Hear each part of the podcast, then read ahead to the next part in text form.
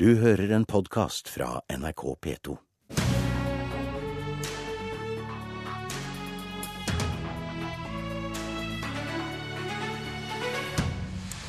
Det er barnehagekrise i Oslo, mener Arbeiderpartiet. Feil, svarer Høyre. De to kjemper nå en knallhard kamp om makta i hovedstaden, og tar debatten her i Politisk kvarter, hvor vi også skal snakke mer om valgkampen, som nå er kommet skikkelig i gang. Oslo har landets lengste barnehagekøer og få barn i barnehage sammenlignet med andre steder. Et krisebilde tegnes av Arbeiderpartiet, som nå kjemper hardt for å ta makta fra Høyre i hovedstaden. I studio har vi byrådsleder for Høyre, Stian Berger Røsland. Du styrer byen. Og så har vi byrådslederkandidat for Arbeiderpartiet, Raymond Johansen, som gjerne vil ta makta. Velkommen, begge to. Takk skal du ha. Først, eh, Raymond Johansen. Du mener altså at det er krise i barnehagene i Oslo. Hva er problemet? Ja, altså Oslo har landets lengste barnehagekø. Uh, siste tall vi hadde første i første, så var det 1300 som søkte som ikke fikk uh, plass. Dvs. Si de som er født etter uh, 1.9. I tillegg så vet vi at det er uh, 6000 barn i barnehagealder i Oslo som ikke går i barnehage. Og vi mener at det å gå i barnehage er en veldig god start på livet. Det er eh, bra for Oslo å være en attraktiv by også for eh, småbarnsforeldre. Derfor ønsker vi å bygge 3000 barnehageplasser og tilrettelegge for å ha barnehageplasser i nærheten av der folk bor. God kvalitet og også gratis kjernetid der det er behov for det. Stian Berge Røsland, er du leder eh, for en by der det er barnehagekrise? I år så, så, er det jo sånn at barnehagene åpner i dag, og vi setter en ganske viktig rekord i Oslo. fordi at i, i år så er det altså rekordantall barn som får eh, tilbud om barnehageplass i Oslo. Det er sånn at alle barn med lovfestet rett, eh, altså femåringene, fireåringene, treåringene, toåringene og ettåringene født før 1.9., det året de følger rett, de får tilbud om plass, og har fått tilbud om plass. Og så ser det ut som, og vi har ikke tallene helt klare ennå, men det ser ut som vi kommer til å få et rekordhøyt antall barn uten det som er lovfestet rett, som også får barnehageplass. Sånn at i år så setter vi altså eh, rekord. Aldri har flere barn eh, med lovfestet rett og uten lovfestet rett fått plass i barnehagen i Oslo. Og jeg skjønner at det kan være litt sånn valgtaktisk dårlig nytt for Arbeiderpartiet, men jeg er sikker på at Raymond og jeg kan være enige om at vi kan glede oss over det. At vi nå har fått eh, så mange nye barnehageplasser på, på plass. Nesten 5000 nye plasser bare på de, på de siste årene. Og det gjør at vi nå kan tilby tilby plass til så mange det, barn. Det som er bekymringsfullt, det, og det er de siste tallene vi har tilgjengelig, er at 1300, altså de født etter 1.9., ikke har fått eh, barnehageplass. Det betyr at mange er helt opp til halvannet år før de får tilbud om barnehageplass. Det betyr at fødselspermisjonen er eh, over, og mange må finne midlertidige løsninger. I tillegg til dette at vi har eh, landets laveste barnehagedekning, så har vi også laveste pedagogdekning. Oslo ligger på rundt 31% og vi har også de med lavest, færrest med fagutdanning, som er styrere. Så i tillegg til å ta et krafttak, sånn at faktisk mange av de 6000 som er i barnehagealder, som av ulike grunner ikke begynner i barnehage, faktisk skal tilrettelegge for det. Da må vi, som de har gjort i Alna bydel, drive oppsøkende virksomhet, mobilisere for at man skal kunne gå i barnehage. Vi vet at det er den beste måten å kunne komme gjennom skoleløpet på. At man har fått en god norsk øh, opplæring at man er bedre integrert, og vi vil tilrettelegge for å bygge flere barnehager. Men i tillegg til dette at vi har landets laveste barnehagedekning, så har jo også Høyre, med god hjelp fra Fremskrittspartiet, på et ideologisk grunnlag bestemt seg for at man skal selge ut kommunale barnehager, og ikke bygge nye kommunale barnehager. Skal vi få til dette krafttaket, så må vi både ha kommunale og private, og det vil vi gjøre. Men i år så kommer vi til å bygge, bare i år så kommer det til å bli bygget 800 eh, nye barnehageplasser netto i, i Oslo. Og vi kommer til å kunne tilby enda flere, eh, også uten lovfestet rett, rett, eh, plass i, i, barnehage. Og det er veldig godt nytt, fordi at det er mange som, som har slitt med, med, dette. Og det er også sånn at uh, altså vi, vi, har ikke de endelige tallene ennå, for barnehagene starter i dag.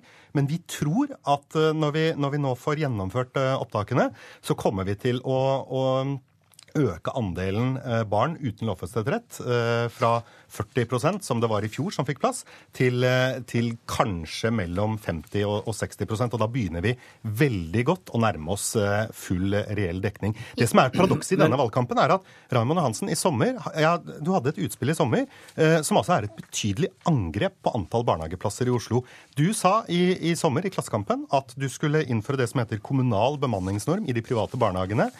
Du skulle kreve kommunal tariffavtale i de private barnehagene. Og i tillegg til det så skal du innføre eiendomsskatt for de private barnehagene. Dette er et av de største angrepene på målet om full barnehagedekning vi har sett i Oslo noensinne. For det vil si at de private barnehagene i Oslo, som utgjør om lag 60% av samlet barnehagetall i Oslo, må redusere antall barn per avdeling. Og det betyr altså at færre barn kommer til å få barnehageplass.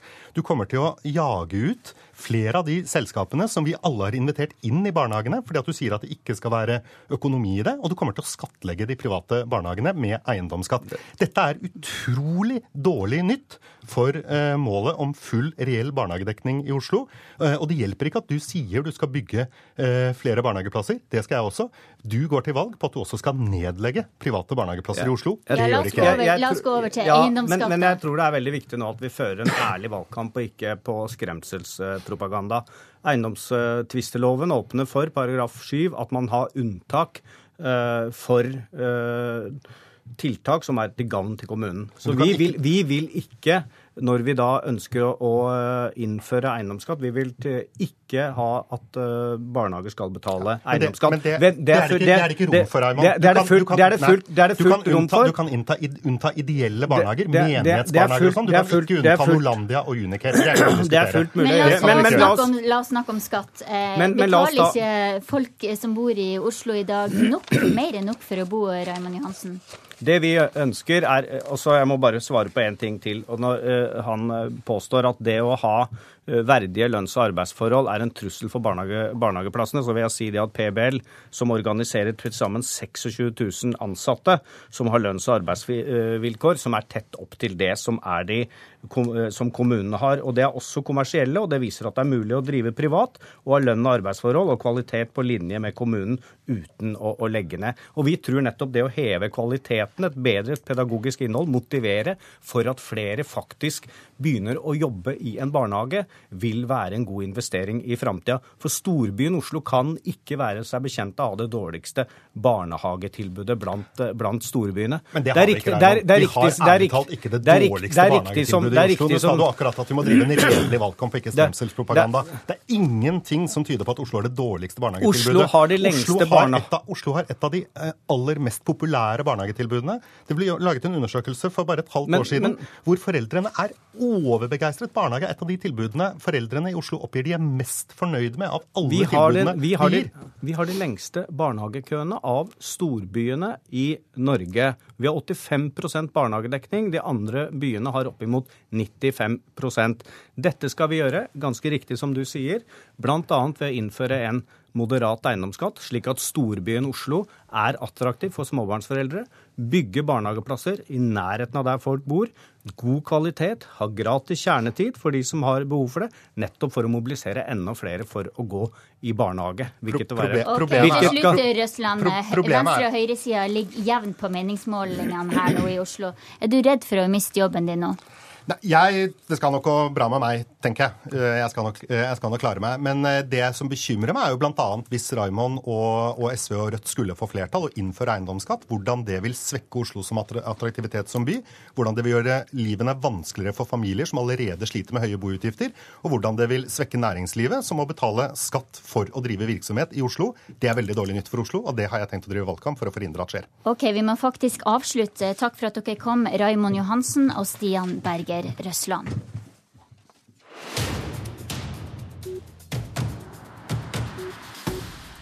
Høstens valgkamp er nå for alvor i gang, og vi hørte akkurat fra Oslo hvor Arbeiderpartiet virkelig setter inn støtet for å komme til makta etter 18 års borgerlig styre.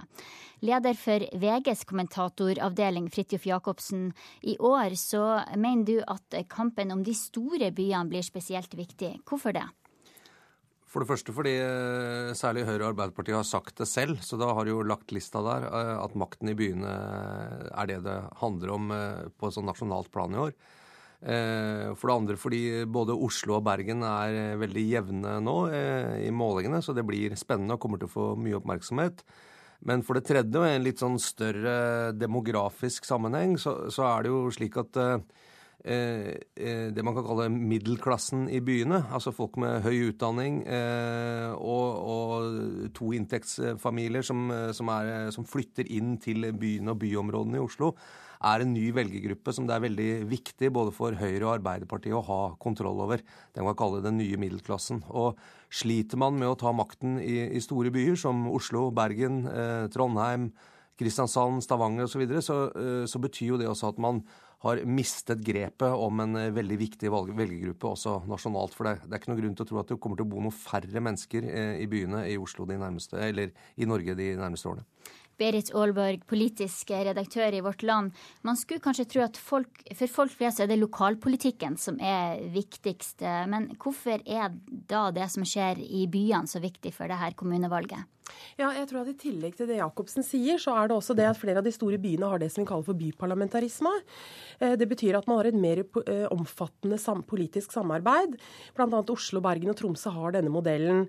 Og Det blir også spennende i forhold til eh, valget som er neste runde, altså det stortingsvalget. Den samarbeidsformen som, som da er i de store byene. Og så er Det også sånn at det som ofte skjer i de store byene, og særlig i Oslo, sprer seg ofte utover landet på sikt. så Derfor så blir det veldig viktig å så å si eie den trenden som er i de store byene. Og så gjør Arbeiderpartiet noe som eh, kanskje er risikabelt, nemlig å gå til valg på å innføre en ny skatt for å betale for nye barnehageplasser. Hva tenker du om å ta den risikoen, Fridtjof Jacobsen? Ja, Eiendomsskatten som Arbeiderpartiet går til valg på i Oslo, eh, tror jeg nok eh, er Det er nok litt kalde føtter også i Arbeiderpartiet på akkurat dette vedtaket om eiendomsskatt. Eh, mitt inntrykk er at eh, dersom Arbeiderpartiet ikke lykkes i å vinne makten i Oslo denne gangen, så er det eiendomsskatten som kommer til å få skylden. Eh, og jeg tror at eh, det kan, eh, det kan, bety noe også nasjonalt, som jeg ser Aksel Brånen Sterje er inne på i Dagbladet også i dag, nemlig at hvis Oslo velger nå Arbeiderpartiet å styre, og de gjør et veldig godt valg med eiendomsskatt som den store saken, så vil det kanskje bli tolket som nasjonalt at det er noe større skattevilje i Norge for tiden enn det man eh, har hatt tidligere. Og Det kan bety at Arbeiderpartiet i 2017 kan gå til valg på noen eh, å øke skattene noe i Norge. Vi husker jo at Jens Stoltenberg da den rød-grønne regjeringen skulle bli valgt, lovet at ingen skatter skulle opp fra 2004-nivå eh, samlet. Altså Hvis det skulle være skatteendringer, så skulle de fordeles innenfor en slik pott. Eh, så jeg, jeg, tror det er en viktig prøveballong. Men det, men det er ikke, noe, ikke, til å legge skjul på at eh, Eh, mange sier at hvis ikke Arbeiderpartiet hadde kommet med dette vedtaket om at man skal innføre eiendomsskatt i Oslo, så hadde nok eh, valgseieren vært Mange tror i hvert fall at valgseieren hadde vært nærmere for dem uten det. Arbeiderpartiet har jo virkelig flørta med KrF i sommer, i år mer enn tidligere. Hva betyr det her, Berit Aalborg? Ja, nå har de jo flørta litt med KrF tidligere, men det som i grunnen er nytt akkurat den senere tida, det er det at den eh, flørten også delvis blir besvart litt eh, av, eh, av KrF. Og det har skjedd særlig siden Høyre gikk i regjering med Fremskrittspartiet, som har vært krevende for KrF. Og det er mange saker, sånn som søndagsåpent, alkohol, alkoholpolitikken, Eh, en stram asylpolitikk som gjør at KrF nå eh, er veldig usikre. De føler det er krevende å samarbeide med Fremskrittspartiet. Og da blir det også litt attraktivt å se om samarbeidet med Arbeiderpartiet kan være aktuelt. Og så vil jeg si en ting til. Jeg tror at både Jonas Gahr Støre og Hadia Tajik, diskusjon rundt religionspolitikk også er en viktig bit som gjør at eh, kanskje Arbeiderpartiet nå fremstår mer attraktivt enn de har gjort på noen år, der hvor man ikke har snakka verken om, om, religiøse følelser, og man har vært på en måte mer, vært veldig sekulær i all sin diskusjon. Nå, nå, nå, er de fremme og snakker om religionspolitikk, og det blir veldig godt mottatt i KrF. Så jeg tror at det kan være viktig, men det er veldig spennende å se hva som skjer eh, ved valget nå. Jeg tror det på mange måter blir en prøveballong i forhold til også stortingsvalget om to år. Kort, eh, hva er du mest spent på i høstens valg, Berit Aalborg? Jeg tror det er mange ting som blir spennende. Eh, og Det ene er som vi har vært inne på dette med KrF. Den andre tingen er hvordan Miljøpartiet gjør det i det valget som kommer. Og Det tror jeg er veldig viktig i forhold til at de kan ligge på vippen i mange kommuner rundt omkring. Eh, og Det er første gangen at de nå kommer opp og blir såpass store som de blir. Så jeg tror dette blir veldig spennende. Og det blir spennende både hvor store de blir, men også hvem de rett og slett kommer til å samarbeide med rundt om i norske kommuner. Så jeg tror det er en av de viktige og litt spennende faktorene i valget i høst. Det var faktisk eh, det vi rakk i eh, sesongens første Politiske kvarter. Takk for at dere kom, Fridtjof Jacobsen og Berit Aalborg. Du har hørt en podkast fra NRK P2.